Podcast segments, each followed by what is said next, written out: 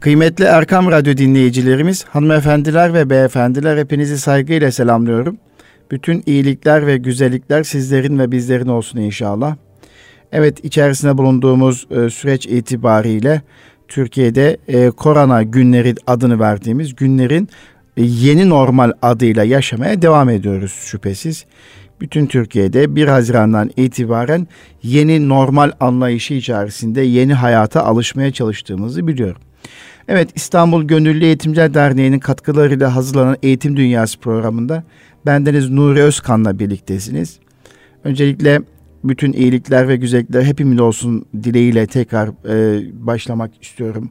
Cenab-ı Hak sağlık, sıhhat, afiyet versin inşallah.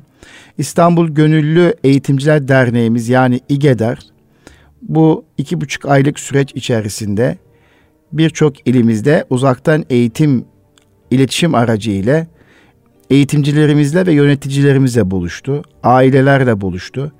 Ve öğretmenlerimizin mesleki gelişimine katkı sunacak birçok eğitimler gerçekleştirdi. Dolayısıyla İstanbul Gönüllü Eğitimciler Derneğimizin değerli formatör eğitimcilerine, yönetim kurulu başkanına, yönetim kurulu üyelerine ve e, formatör eğitimcilerimize canı gölden teşekkür etmek istiyorum. Bendeniz de zaman zaman bu eğitimlere katılmış bulunmaktayım. Bazen eğitimlere katıldığım gibi bazen de eğitimci olarak katıldım. Gerçekten müstefit oldum. Allah hepsinden razı olsun. Evet tabi e, aslında e, Milli Eğitim Bakanlığımız da uzaktan eğitim süreci içerisinde hem öğrencilerimize EBA TV ve EBA Bilişim aracı üzerinden çocuklarımızın kazanımlarını destekleyecek, okul hayatlarını destekleyecek çalışmalar yürütürken aslında öğretmenlerimiz de ihmal etmedi Milli Eğitim Bakanlığı. Mayıs'ın başlarından bu tarafa binlerce öğretmenlerle bazen Sayın Bakanımız bazen de e, Öğretmen Yetiştirme Genel Müdürlüğü'nün organize ettiği bir takım etkinlikler çerçevesinde buluşmalar gerçekleştirildi.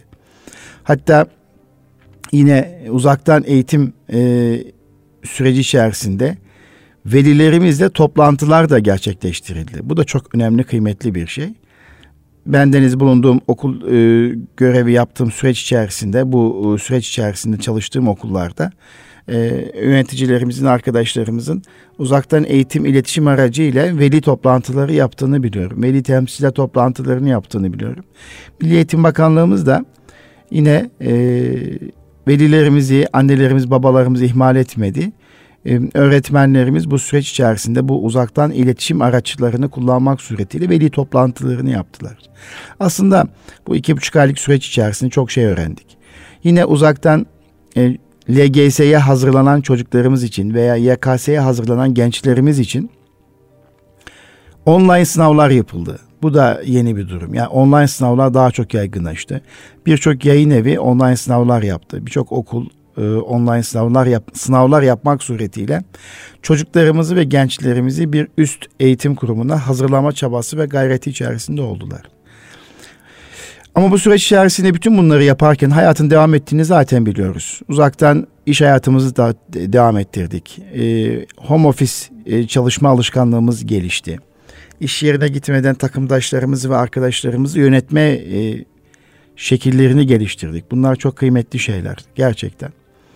Yani e, sağlıklı kalmaya çalışırken, etrafımızdaki insanlara e, ulaşmaya çalışırken veya e, 65 yaş üzeri insanların ihtiyaçlarını karşılamak için çaba gösterirken aynı zamanda e, Türkiye'nin korona sürecinde Sağlık Bakanımızın ve e, Sayın Cumhurbaşkanlığımızın başkanlığında hükümetin almış olduğu kararları uygulama çabası ve gayreti gösterirken bu şekilde yine gençlerimize, öğretmenlerimize, ailelerimize, biz eğitimciler ulaşmaya çalışırken hayatta devam ediyor. İşte 1 Haziran'dan itibaren de yeni normal anlayışı içerisinde yine maskeli hayat devam etmek üzere, yine sosyal hayat, sosyal temasa e, dikkat ederek iz, e, izole ol, olmak koşuluyla e, hayatımızı yürüt, sür, yürüt, sürütmeye hayatımızı devam ettirmeye çalışıyoruz kıymetli Erkam Radyo dinleyicilerimiz. Ben de bugün e, bu bugünkü sohbetimizi daha çok 20 Haziran'da sınava girecek olan e, gençlerimize, çocuklarımıza dönük yapmak istiyorum. Biliyorsunuz 20 Haziran'da sınava girecek çocuklarımız için artık e, mevcut okullarında sınava girecekler. Yani başka okullara gitmeyecekler. Mevcut okullarında sınava girecekler. Dolayısıyla daha önceki programımızda bu sınav süreleri ve saatleri hakkında bilgi aktarmıştık. Ee, bu süreç içerisinde Milli Eğitim Bakanlığı okulların dezenfekte edilmesi için e, gerekli yönlendirmeleri yapıyor. E, ortamın hazırlanması için e, il ilçe milli eğitim müdürleri ve şube müdürleri e, ortam kontrollerini yapıyor. Sınav gözetmenleri e, oluşturuluyor. Tabi burada sosyal medyada gördüğüm bir şey var. Beni biraz üzdü. O da şu e, LGS sürecinde e, LGS'ye hazırlanan öğrencilerimizin sınavını yapacak eğitmenlere ulaşılamadı. Yeterli gözetmen başvurusu olmadığı ile alakalı e, sosyal medyada e, bir takım duyumlar var. Bana da bu geliyor. E, geçtiğimiz günlerde eğitim sendikası başkanıyla, eğitim bir sendikası başkanıyla da bu konuyu müzakere ettim. Ve gerçekten müsait olan eğitimcilerimizin LGS'ye hazırlanan öğrencilerimizin sınavını yapabilmek için gözetmenlik başvurusu yapmaları gerekiyor. Bu konuda devletimizi zor durumda sokmamamız gerektiğini düşünüyorum. Gerek İGEDER gönüllüsü arkadaşlarımızın, gerekse bizi buradan dinleyen eğitimci arkadaşlarımızdan temel istirhamımız, ricamız şu. Bizler nasıl sağlık çalışanları zor zamanlarda cephede bulunmuşlar ise eğitimciler de her zaman bu zor zamanlarda e, fedakarlıkları üst düzeyde olur. Şu ana kadar yapıldığı gibi, yapabildiğimiz gibi. Ben yeterince duyuru yapamadığımız kanaatindeyim. Ben de buradan Erkam Radyo üzerinden bizi dinleyen eğitimcilere diyorum ki hem de İGEDER adına söylüyorum. Bir eğitimci olarak, bir kardeşiniz olarak, bir abiniz olarak söylüyorum. E, lütfen e, LGS sınavını yapmak için gözetmen öğretmenlere ihtiyaç var. Ve sizler de bu gözetmenlik başvurusunu gerçekleştiriniz. Aynı zamanda 27 Haziran tarihinde yapılacak olan YKS sınavı için de buna ihtiyaç var. Evet, 20 e, Haziran geliyor dedik. LGS'ye hazırlanan öğrencilerimizin sınav tarihi 20 Haziran. Tabii evde bu sürece hazırlanan 8 sınıf öğrencilerimiz için kaygılar biraz daha artmaya başladığını düşünüyorum. Onlar şu sesleri çıkartıyorlar veya e, şu cümleleri söylüyorlardır şüphesiz. O sınav yaklaşıyor diyorlardır veya artık ders çalışmak istemiyorum, ders çalışmakta zorlanıyorum diyordur. Nereden başlayacağımı bilemiyorum diyenler olabilir. Bir türlü ders çalışmak istemiyorum, motive olamıyorum, artık sıkıldım, havalar ısındı, dışarı çıkmak istiyorum diyenler olabilir. Gibi bir takım kaygılar olacak. Tabi konuları yetiştirememekten çok korkuyorum gibi diyenler artık olacağını düşünmüyorum. Çünkü birinci dönem kazanımları kapsadığı için ve Milli Eğitim Bakanlığımızda LGS sürecinde ve YKS sürecinde sınavda çıkacak soruların kazanımlarını da sitesinde yayınladığı için artık e, bu konuda böyle bir serzeniş olacağını düşünmüyorum. Tabii bu e, cümleleri ifade eden e, kıymetli 8 sınıf öğrencilerimiz aslında haklılar. Yani artık e, bu süreç onların duygularını anlamak gerekiyor. Ve çocuklarımızın bunları düşünmeleri ve bu duyguları hissediyor olmaları gayet normal. Sınava hazırlanan pek çok öğrenci bu ve buna benzer duygu ve düşünceleri zaten sahip. O zaman bu süreci nasıl yönetebiliriz ve neler yapabiliriz? Bu konuda biraz paylaşımda bulunmak istiyorum. Evet kıymetli Erkam Radyo dinleyicilerimiz, hanımefendiler, beyefendiler ve bizi dinleyen e, sevgili öğrenciler. Öncelikle tabii bu strese e, ve kaygının nedenine fark, e, fark etmek gerekiyor. Stres düzeyi ve kaygıların farkına varıp bunları yönetebilmek için kendimizi şöyle bir dinlemek gerekiyor. Ne kadar bir stres düzeyine, stres düzeyine sahibim? Kaygım birden ona kadar vermiş olduğum puanlama içerisinde kaç? Şimdi Araştırmalar şunu gösteriyor. E, stres düzeyinin farkında olan ve duygularını yönetebilen öğrencilerin sınav için daha fazla motive olabileceklerini ve sınavlarda daha başarılı olacaklarını gösteriyor. Yani stresim yok, kaygım yok, ben çok rahatım demekle bu süreci yönetemeyiz. Eğer varsa vardır. Varsa bu stres düzeyi çok basit. 1 ile 10 arasında kendine bir puan vereceksin kaygı ve stres düzeyin için. ve 8, 9, 7, 6, 5 buna göre de bu süreci yönetmek için çaba sarf etmek gerekiyor. Örtmek, bastırmak, hayır kaygım yok, stresim yok demiş olmakla bu yönetilmiyor. Şimdi burada hemen bir söz aklıma geldi. Yusuf Has Hacim'in sözü aklıma geldi. Huzur istersen o zahmet ile birlikte gelir. Sevinç istersen o kaygı ile birlikte bulunur. Huzur istersen o zahmet ile birlikte gelir. Sevinç istersen o kaygı ile birlikte gelir. Yusuf Hasacip. Şimdi e, dikkat edin hayatımızda e, huzur istediğimiz her şeyde bir zahmet.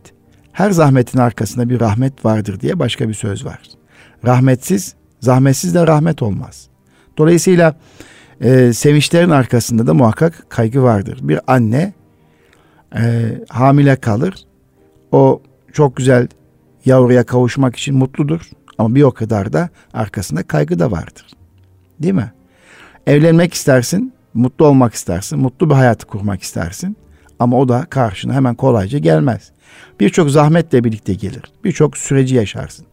İşte iyi bir okulu kazanmak ve daha sonra iyi bir para kazanmak istersin ve bununla huzur duymak istersin. Ama bunun da birçok zahmeti vardır.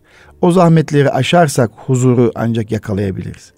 Böyle olunca bugün 8. sınıf düzeyindeki kıymetli yavrularımız, kıymetli öğrencilerimiz, hanımefendiler, beyefendiler, geleceğimiz, evet 1, 1 milyon 200 bine yakın öğrenci %10'luk dilimdeki okullara sınavla yerleşmek istiyorlar.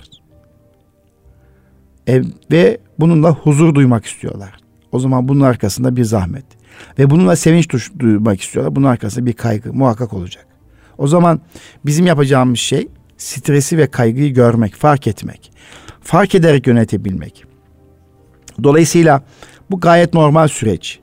Ve aslında hepimizi başarıya götürecek olan bir süreç ve bu duygu, bu stres düzeyi. Peki bir de şöyle düşünelim. Sınav için hiç kaygılanmadığını bir düşün. Peki başarılı olabilir misin? Ben diyorum ki Allah kaygısız insandan bizi korusun. Yani kaygısızlık da çok kötü bir şey. Senin bir hedefin var, hayalin var. Öyle olduğunu düşünüyorsun ama hiç kaygın yok. O zaman şu. Kaygı ve stres normal olması gereken.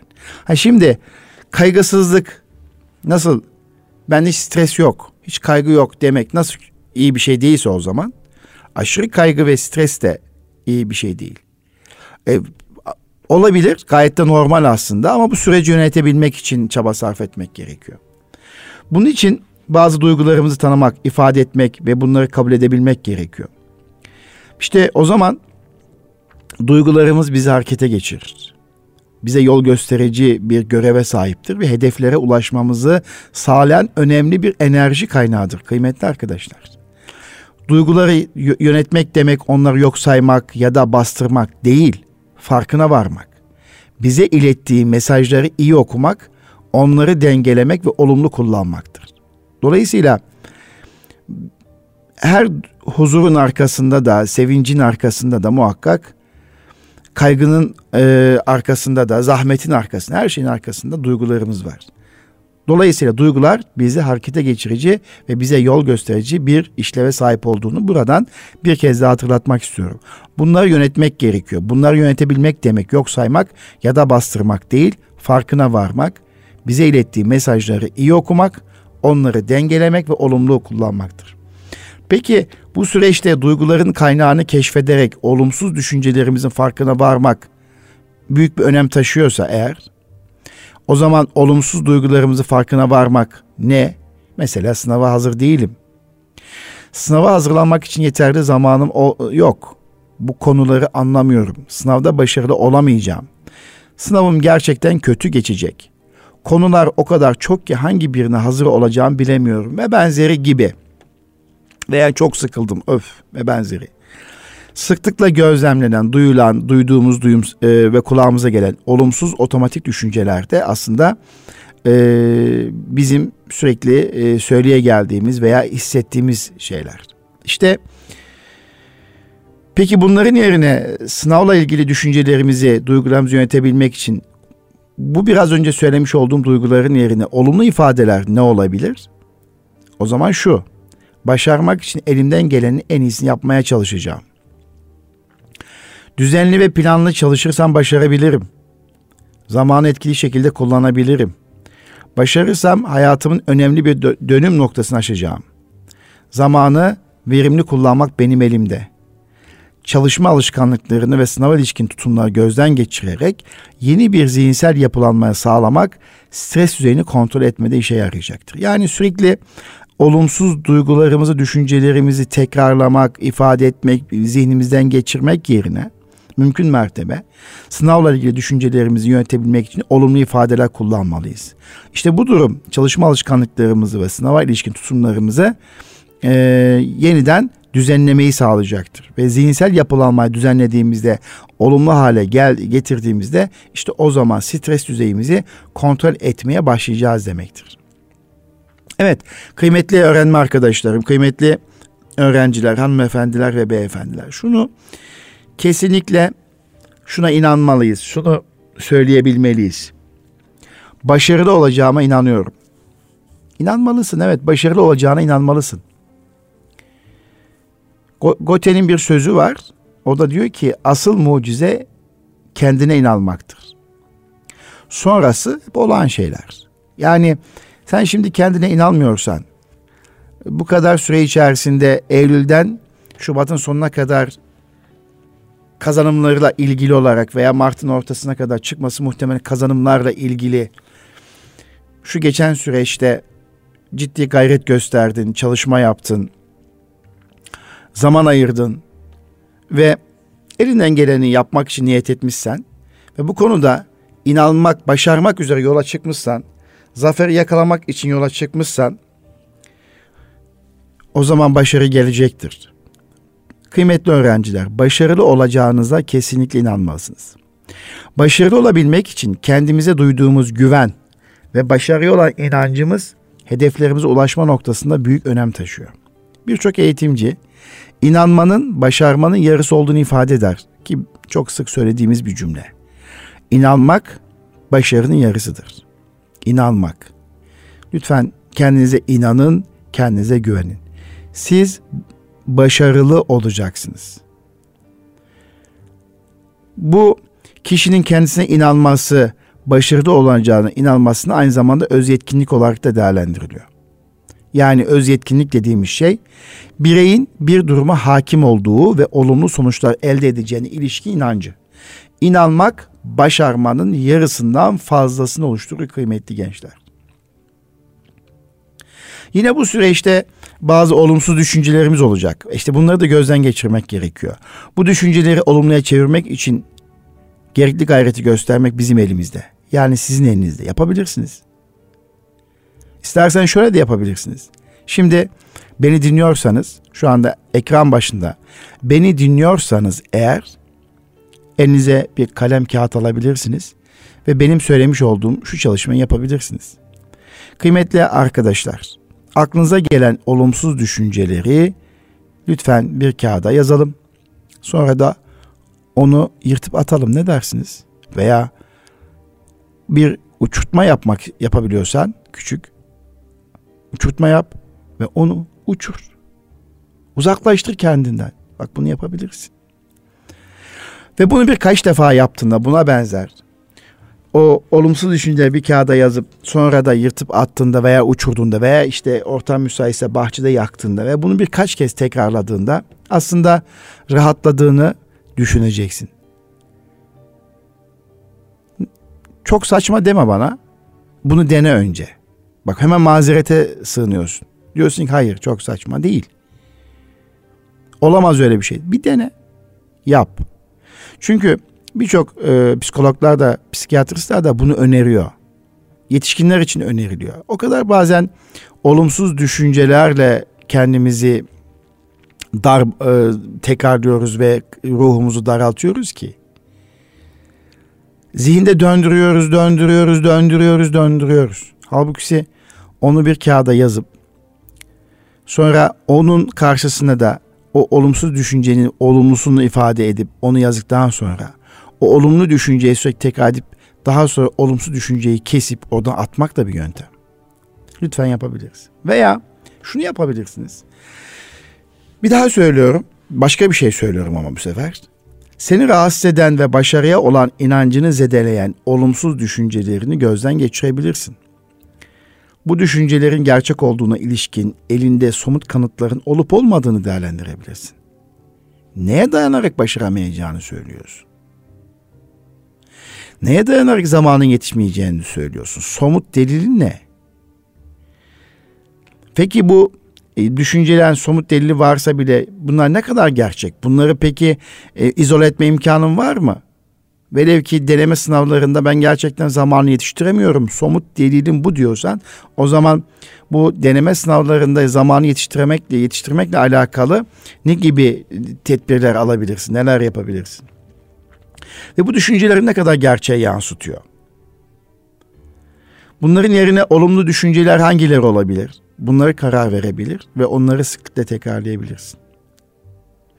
Bir de şu anda sınava bir hafta kalmış ve iki hafta kalmış bir süre içerisinde sürekli bunları zihninde döndürmek yerine ve kendine hayatını rezil etmek yerine sürekli aklına getirmek olumsuz şeyler sana ne kazandıracak? Peki şu anda bu olumsuz düşünceleri tekrarlamanın, zihninde döndürmenin sana bir faydası var mı? Bir sor kendine. Bence yok. Evet. Sürekli bu olumsuz düşünceleri zihnimizde döndürmenin bir faydası, bir yararı bize yok. Kıymetli arkadaşlar. Dolayısıyla bir işe başlarken o işi yapıp yapamayacağımıza olan inancımız ve bu konuda ne kadar çaba sarf edeceğimiz, engellere ne kadar direneceğimizi belirler. Yani bir işe başlarken o işi yapıp yapamayacağımıza olan inancımız bu konuda ne kadar çaba sarf edeceğimizi ve engellere ne kadar direneceğimizi belirler. O zaman inancın zayıfsa zaten çaba sarf etmezsin. Engelleri de aşmak için kendine mücadele ruhu bulamazsın, direnemezsin. Şöyle düşün. Bazen bazı konularda kendimize fazlasıyla güveniyorken bazı konularda, bazı işlerde, bazı durumlarda geride durmayı ya da o işe başlamamayı tercih ediyoruz. E, bunun arkasında ne var? İnanmak ve mücadele etmek var.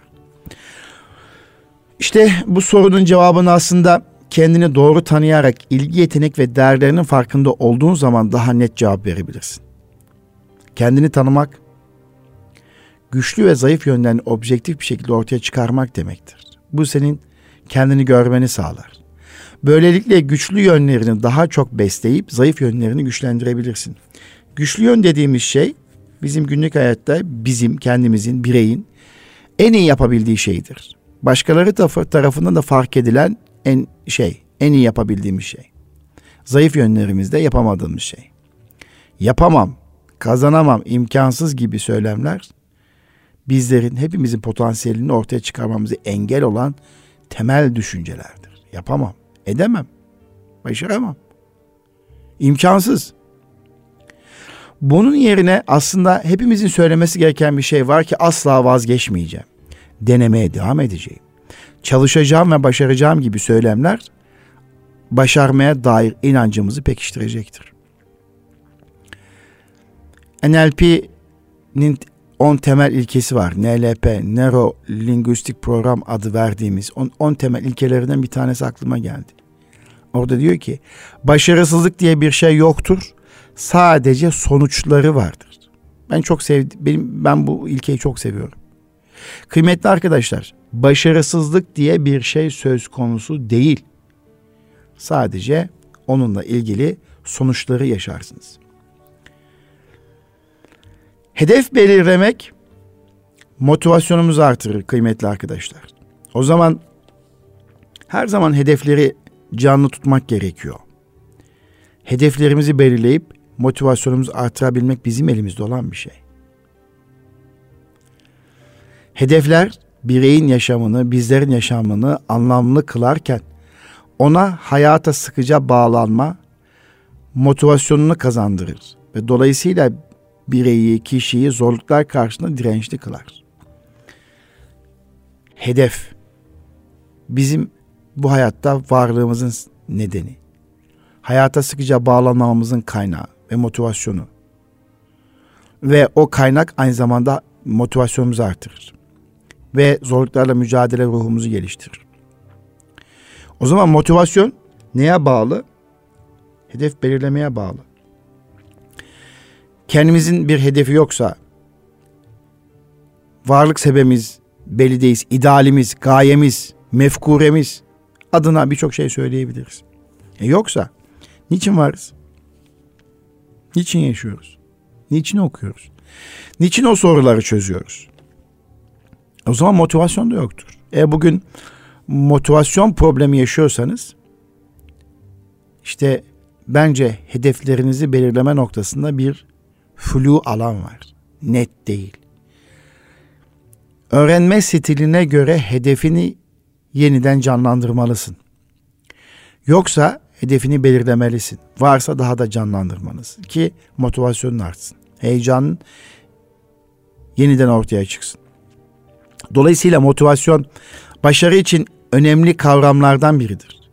Başarıya yönelik motivasyon olmadığı zaman işleri başarmak oldukça güçtür. Bazen büyük başarılar için yüksek düzeyde motive olabilmek ve zamanı etkili planlamak güç olabilir. Ayrıca süreç boyunca küçük ödüller motivasyonu artırıcı bir etki oluşturur. Şimdi bazen uzun soluklu yolculuklu yolculuklar var. İşte aslında LGS süreci de öyle.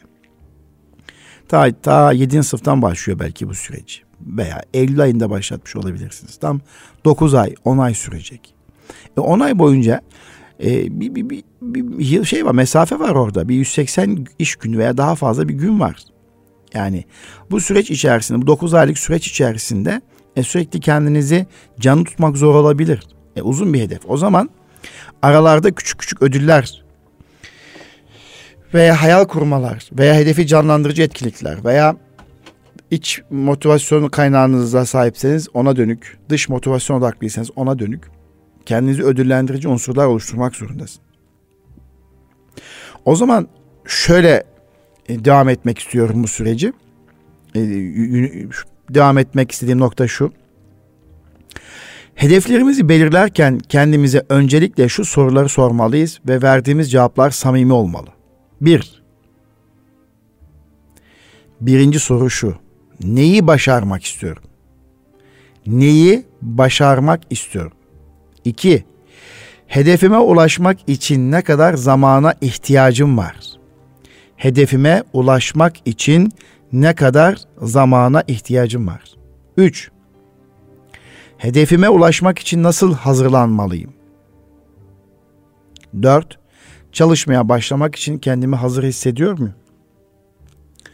Beş, hedefime ulaştığımda neyi elde etmiş olacağım? Neyi elde etmiş olacağım? İşte o zaman bu beş tane soruya vereceğimiz samimi cevaplar hedef belirlememizi kolaylaştıracak. Veya hedeflerimiz daha da net hedeflerimizin daha da netleşmesini sağlayacak. Bununla birlikte hedeflerimize ulaşma noktasında göstereceğimiz samimi gayret ve çaba da çok değerlidir. Buna biz fiili dua diyoruz. Bir kavli dua var, bir de fiili dua. Çaba, çaba, çalışmak. Hedefler unutmayalım ki hedefler o hedeflere dönük çaba gösterdiğimiz zaman bir anlam kazanacaktır. Asla zihnimizi canlandırdığımız, hayal kurduğumuz ve kağıda yazıp duvara astığımız, buzdolabına yapıştırdığımız, kapımıza astığımız o hedefler biz çaba göstermediğimiz zaman bir hiç, hiçbir anlamı yok. Çaba göstermek kadar hedeflerin gerçekçi olarak belirlenmesi de tabii ki önemli. O zaman hedefleri belirlerken nelere dikkat etmek gerekiyor? Bunu da kısaca ifade etmek istiyorum. Birincisi şu, belirleyeceğimiz hedef hepimiz yani benim için kişiye özgü değiştiği için senin için benim için önemli ve öncelikli olmalı. Yani ne kadar önemli? Benim için ne kadar önemli? Belirlediğim hedef benim için ne kadar önemli ve öncelikli? Birincisi bireysel anlamda. Benim için ne kadar öncelikli ve ne kadar önemli? LGS sınavında kazanmayı istediğim okul benim için ne kadar önemli ve öncelikli? Veya LGS'den sonra işte gittiğim okulla birlikte gideceğim daha sonra dört yıl sonra gideceğim üniversite veya alacağım edineceğim meslek düşündüğüm meslek benim için önemli ve öncelikli mi? Ne istediğimizi açık ve net olarak belirlemeliyiz. Ne istediğimizi gerçekten biliyorsak önüne çıkan tüm engelleri de aşar ve motivasyonu kendimizde oluştururuz. İkincisi hedefimiz belirgin ve açık olmalı. Hedefimiz belirgin ve açık olmalı. Hedef belirlerken net bir şekilde ve alternatifsiz olarak bunu ifade etmeliyiz. Belirgin ve açık hedefler ders çalışma gücümüzü artırdığı gibi zamanı da etkin ve verimli kullanmamızı sağlayacaktır. Hedefimizi somutlaştırdıktan sonra bunu her gün görebileceğimiz bir yere yazıp asabiliriz. Oda kapımıza, buzdolabımıza, hangi yerde sıklıkla görebiliyorsak. Böylelikle yazdıklarımızı okuduğumuzda motivasyonumuz da artacaktır. O zaman hedefimiz belirgin ve açık olmalı. Üçüncüsü bu belirlemiş olduğum benim için önemli ve öncelikli olan hedef. Belirgin ve açık bir şekilde ifade ettiğim hedef. Gerçekçi ve ulaşılabilir hedef mi? Gerçekçi ve ulaşılabilir bir hedef mi? Kıymetli arkadaşlar, ne çok kolay hedefler ne de ulaşılması imkansız görülen hedefler hiçbirimiz motive etmez. Çok basit elde edebileceğim bir hedefle ulaşılması gerçekten mümkün olmayan, imkansız görünen bir hedef bizi motive eder mi? Gerçekten etmez. O zaman belirleyeceğimiz hedefler sahip olduğumuz yetenek ve güçlerle örtüşük olmalı. Sahip olduğumuz yetenek ve güçlerle ulaşabileceğimiz türden olmalı. Sahip olduğumuz güçler ve yetenekle ulaşamayacağımız hedefler gerçekçi ve ulaşılabilir değil. Hepimizi çok çok zorlayacak. Gerekli çaba ve gayreti sarf ettiğimizde ulaşılabilir hedefler belirlemek için kendimize olan güvenini de pekiştirmek gerekiyor. Tersi zorlayacak ama gerekli çaba ve gayreti sarf ettiğimizde ulaşılabilir hedefler belirlemiş olmak da kendimiz olan güveni artıracaktır. Yani bu dengeyi çok iyi korumak gerekiyor. Diğer bir husus dördüncü madde zamanı etkin ve verimli bir şekilde planlamalıyız. Şimdi hedefi önemli öncelikli kıldık. Hedefi belirginleştirdik. Hedefi gerçekçi ulaşılabilir yaptık çaba gösterdiğimizde, gayret ettiğimizde ulaşılabilir bir hedef belirledik. O zaman bu belirlediğimiz hedeflere ulaşmak için ne kadar zamanım var? Bunu hangi süreçte, ne kadar zaman içerisinde gerçekleştireceğim? Örneğin işte sınava ne kadar zaman var veya ne kadar zaman kaldı?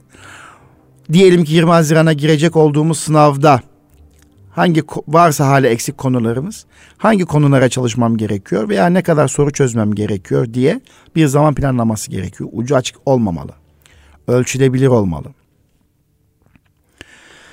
Evet, tabii uz- hedeflerimizin uzak ve yakın hedefler diye bazen ayrıştırmak da gerekebilir. Bu da önemli. İsterseniz bunu da diğer bir madde olarak tekrarlayalım. Bazen uzun soluklu yolculuklarda hedefleri yakın hedef ve uzak hedef diye belirleriz. Yakın hedefleri gerçekleştire gerçekleştire uzak hedeflere ulaşırız. Çünkü büyük başarılar için yüksek düzeyde motive olabilmek ve zaman etkili planlamak güç olabilir. Bunun yerine hedeflenen büyük başarı için işleri küçük küçük hedeflere ayırmak etkili olur. Küçük görevler daha kolaydır ve bir şeylerin kapsamına bakarken daha az kaygı verir. Yani aslında büyük bir hayalin ve hedefin var. Ama direkt o fotoğrafa odaklandığın zaman sende bir motivasyon düşüklüğü nedeni olacaktır. Ama o hayali ulaşabilmek için, o hedef ulaşabilmek için alt hedefler oluşturursan her bir alt hedefi gerçekleştirmiş olmak hem kaygını azaltır hem de motivasyonu artırır. Ve küçük bir görevi tamamladığında, vazife yaptığında, ana hedefe giderken bir alt hedefi yaptığında kendini ödüllendirmiş olma motivasyonunu artıracaktır. Ve yeniden canlanmanı sağlayacaktır. Bu küçük hedeflere ulaşmak daha büyük görevlerin hedeflerin yerine getirilmesine gerçekten yardımcı olduğunu göreceksin. Ve küçük ödüller yine motivasyonu artırıcı bir etki olacak. Bir ay sonra ulaşacağın hedefin için önce ilk bir hafta neler yapman gerektiğini belirlemek gibi mesela. İşte eylem aşamasında küçük parçalara bölünmemiş hedefler kişi için altından kalkılamaz bir yüktür. Örneğin işte yine Haziran ayında e, şu tekrarlar yapmam gerekiyor. Kısa sürede arzuladığın hedefe varmak, istediğin noktaya gelmek esas hedefin için motivasyonu ve çabanı artıracaktır kıymetli arkadaşlar. Evet. Biraz önce bahsettik tabi bu süreç içerisinde zamanı etkili kullanmalıyız. Zamanın kısalığından en çok şikayet edenler onu en çok kötü kullananlardır. Evet. Hepimiz için her zaman söylediğimiz bir zaman çok kısa. Bu zamanda bu olmaz değil. Zaman insanların sahip olduğu en önemli kaynaklardan biridir. Yalnızca bu kaynağı verimli kullanan insanlar genelde hayatta başarılı olurlar. Zaman aslında herkes için sabit. Ancak bu zamanı verimli kullanmak işte iki buçuk aylık süreç içerisinde zamanı verimli kullanan insanlar, boş vakitlerini etkin ve verimli kullanan insanlar üstün zekalı insanlardır. Yani bir de bu var. Yani zeka işidir aslında. Zaman etkili kullanmak, verimli kullanabilmek. Yani zaman aslında yine herkes için sabit. O zaman benzer koşullarda sınava hazırlanan öğrencilerin başarıları ve etkili ders çalışmaları farklılıklar gösterir. Burada esas olan zamanı akılcı kullanarak daha verimli sonuçlar elde edebilmek. Bu. Hatırlayalım. İnsanlar zaman yönetimi becerisiyle dünyaya gelmezler. Bu zaman yönetimi öğrenilebilen bir davranıştır. Yani herkesin öğrenebildiği bir davranış o zaman sen de öğrenebilirsin. Ya yani bu annesinin karnından dünyaya getirdiği bir gelen bir yetenek değil. Bu doğumla gelen bir şey de değil. Öğrenilebilen bir şey. O zaman biz de öğrenmeliyiz. O zaman zamanı iyi değerlendirmeyi öğrenmek herkes için stresi azaltacak faydalı bir beceri. Araştırmalar gösteriyor ki etkili zaman yönetimine sahip öğrencilerin veya insanların daha az akademik stres yaşadıklarını ortaya koymaktadır. Sınavlara hazırlanırken belirli bir program dahilinde çalışmak daha etkili sonuçlar almamızı sağlar. Bu süreçte haftalık ve günlük çalışma planları hazırlamak işimizi kolaylaştırabilir. Çalışma planı hazırlarken yine dürüst ve gerçekçi olmalıyız. Ders çalışma ile ilgili görevlerimizin yanı sıra sosyal aktiviteler ve egzersiz içinde zaman ayırmalıyız ki bedenimiz esnesin. Tabi zaman planlama sürecinde hedeflerimize ulaşmamızı engelleyen bir takım tuzakların olduğunu da unutmamak gerekiyor. O tuzakların farkına varmak gerekiyor sevgili arkadaşlar. Bunlar televizyon programları, sosyal medya kullanımı, uzun telefon konuşmaları, bilgisayar oyunları, işte bir takım e, WhatsApp ve iletişim araçlarıyla sürekli yazışmalar ve bunlara ayrılan zaman bunlar gerçekten tuzak. Bu tuzakları fark etmeliyiz. Birçok e, LGS ve YKS birincilerinin hayat hikayelerinde bunlardan fedakarlık vardır. Derler ki işte basına beyanat verdiklerinde şunu söylerler bazı şeylerden fedakarlık yaptım. İşte televizyona bakmaktan, bilgisayar kullanmaktan, tablet kullanmaktan, sosyal medya kullanımından, telefondan, işte arkadaşlarımla oyun oynamaktan, gezmekten, tozmaktan dın dın dın dın çoğaltabiliriz. Fedakarlık. İşte o fedakarlık yaparsak, o tuzaklardan vazgeçersek, o tuzaklara düşmezsek, hayır diyebilmeyi öğrenirsek başarılı olabiliriz. Başarının çok ders çalışarak değil, çalışmanın sürekli hale getirildiği zaman kaçınılmaz olduğunu aslında unutmamak gerekiyor. Peygamber Efendimiz sallallahu aleyhi ve sellem buyuruyor ki ibadetin az ama sürekli olanı makbuldür. Buradan hemen başka bir cümleye geçeyim. O zaman da çalışmanın çok değil az ama sürekli olanı kişide başarı getirir, başarıya ulaşmasını sağlar. Bunu unutmamak gerekiyor. Başarıya ulaşmak istiyorsak Durum bu arkadaşlar. O zaman şöyle özetleyecek olursak sınava hazırlık sürecinde duygularımızı tanımalıyız. Stres düzeyimizi mümkün olduğu kadar farkına varıp onu yönetmeliyiz. Başarılı olacağımıza inanmalıyız. Kesinlikle. Motivasyon kaynaklarımızı fark etmeliyiz ve zaman etkin kullanmalıyız. İşte bu bizde başarı getirecek. Bu dört şey. Duygularımızı tanıyalım, stres düzeyimizin farkına varalım ve bunu kontrol edelim. Başarılı olacağımıza inanalım, motivasyon kaynaklarımızı kontrol edelim, fark edelim ve zaman etkin kullanalım. Tabii bu arada da şunu hatırlatmak istiyorum kıymetli Erkam Radyo dinleyicilerimiz, hanımefendiler, beyefendiler ve sevgili öğrenciler özellikle. Hatırlatmak istediğim şudur ki ruhsal ve bedensel bağışıklığımıza doğru beslenmeye ve uyku düzenine dikkat edelim. Birincisi bu. İki, mümkün olduğu kadar bu süreç içerisinde sınava hazırlanan çocuklarımız için söylüyorum. Yürüyüş yapalım, doğada baş başa zaman geçirelim. Bir terapi olalım. Yine ruhumuzu dinlendirecek ve bilerlenmesini sağlayacak kavli dualarımızı eksik etmeyelim. Hem kendimizin yapacağı dua, ibadet hem de aile büyüklerimizden alacağı dua oldukça kıymetli ve bizim motivasyonumuzu artırıcı unsurdur. Bir deneyin. Yani bu çalışma süreci içerisinde fiili dua ile birlikte ki ona çalışmak diyoruz, çaba diyoruz, gayret diyoruz ve bir de kavli dua. Seni yaratan Rabbinden yardım istemek, dilemek lütfen. Müzikten hoşlanıyorsanız müzik de dinleyebilirsiniz. Sevdiğimiz kitapları okuyabiliriz. Sevdiğimiz ve bizi motive edecek motivasyon filmleri izleyebiliriz. Hedeflerimize ulaşma sürecinde kendimize küçük ödüller verebiliriz. Bizi motive edeceğe inandığımız, baktıkça bize hedef ve hayallerimiz hatırlatacak resim ya da objeleri masamızda bulundurabiliriz. Ve bu süreçte de karşımıza çıkacak engeller olduğunda da asla engelleri aşmaktan vazgeçmeyeceğiz. Mücadele ruhuna sahip olacağız. O zaman kıymetli arkadaşlar gerçekten bu süreçte hepimize kolaylıklar diliyorum. Evet e, kıymetli Erkam Radyo dinleyicilerimiz hanımefendiler ve beyefendiler öncelikle bugün Eğitim Dünyası programında sınava hazırlanan öğrencilerimizin başarılı olabilmesi için onların kaygılarını e, ve streslerini kontrol edebilmeleri için dilimiz döndüğünce bir takım ipuçlarını paylaşabildik. Ve LGS'ye hazırlanan çocuklarımıza başarılar diliyoruz.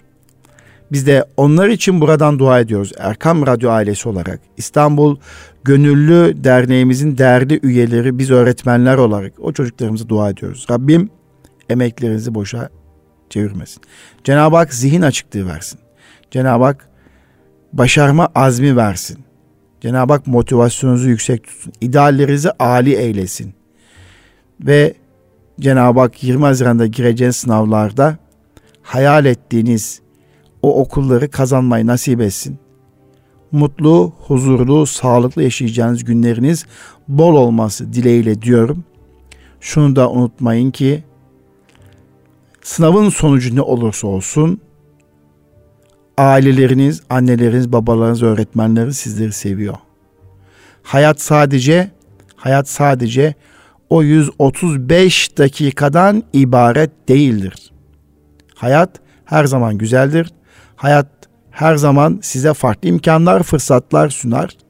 Bu farklı imkanlar, fırsatları da hazır olanlar yakalar kıymetli arkadaşlar. Dolayısıyla 135 dakikada son değil.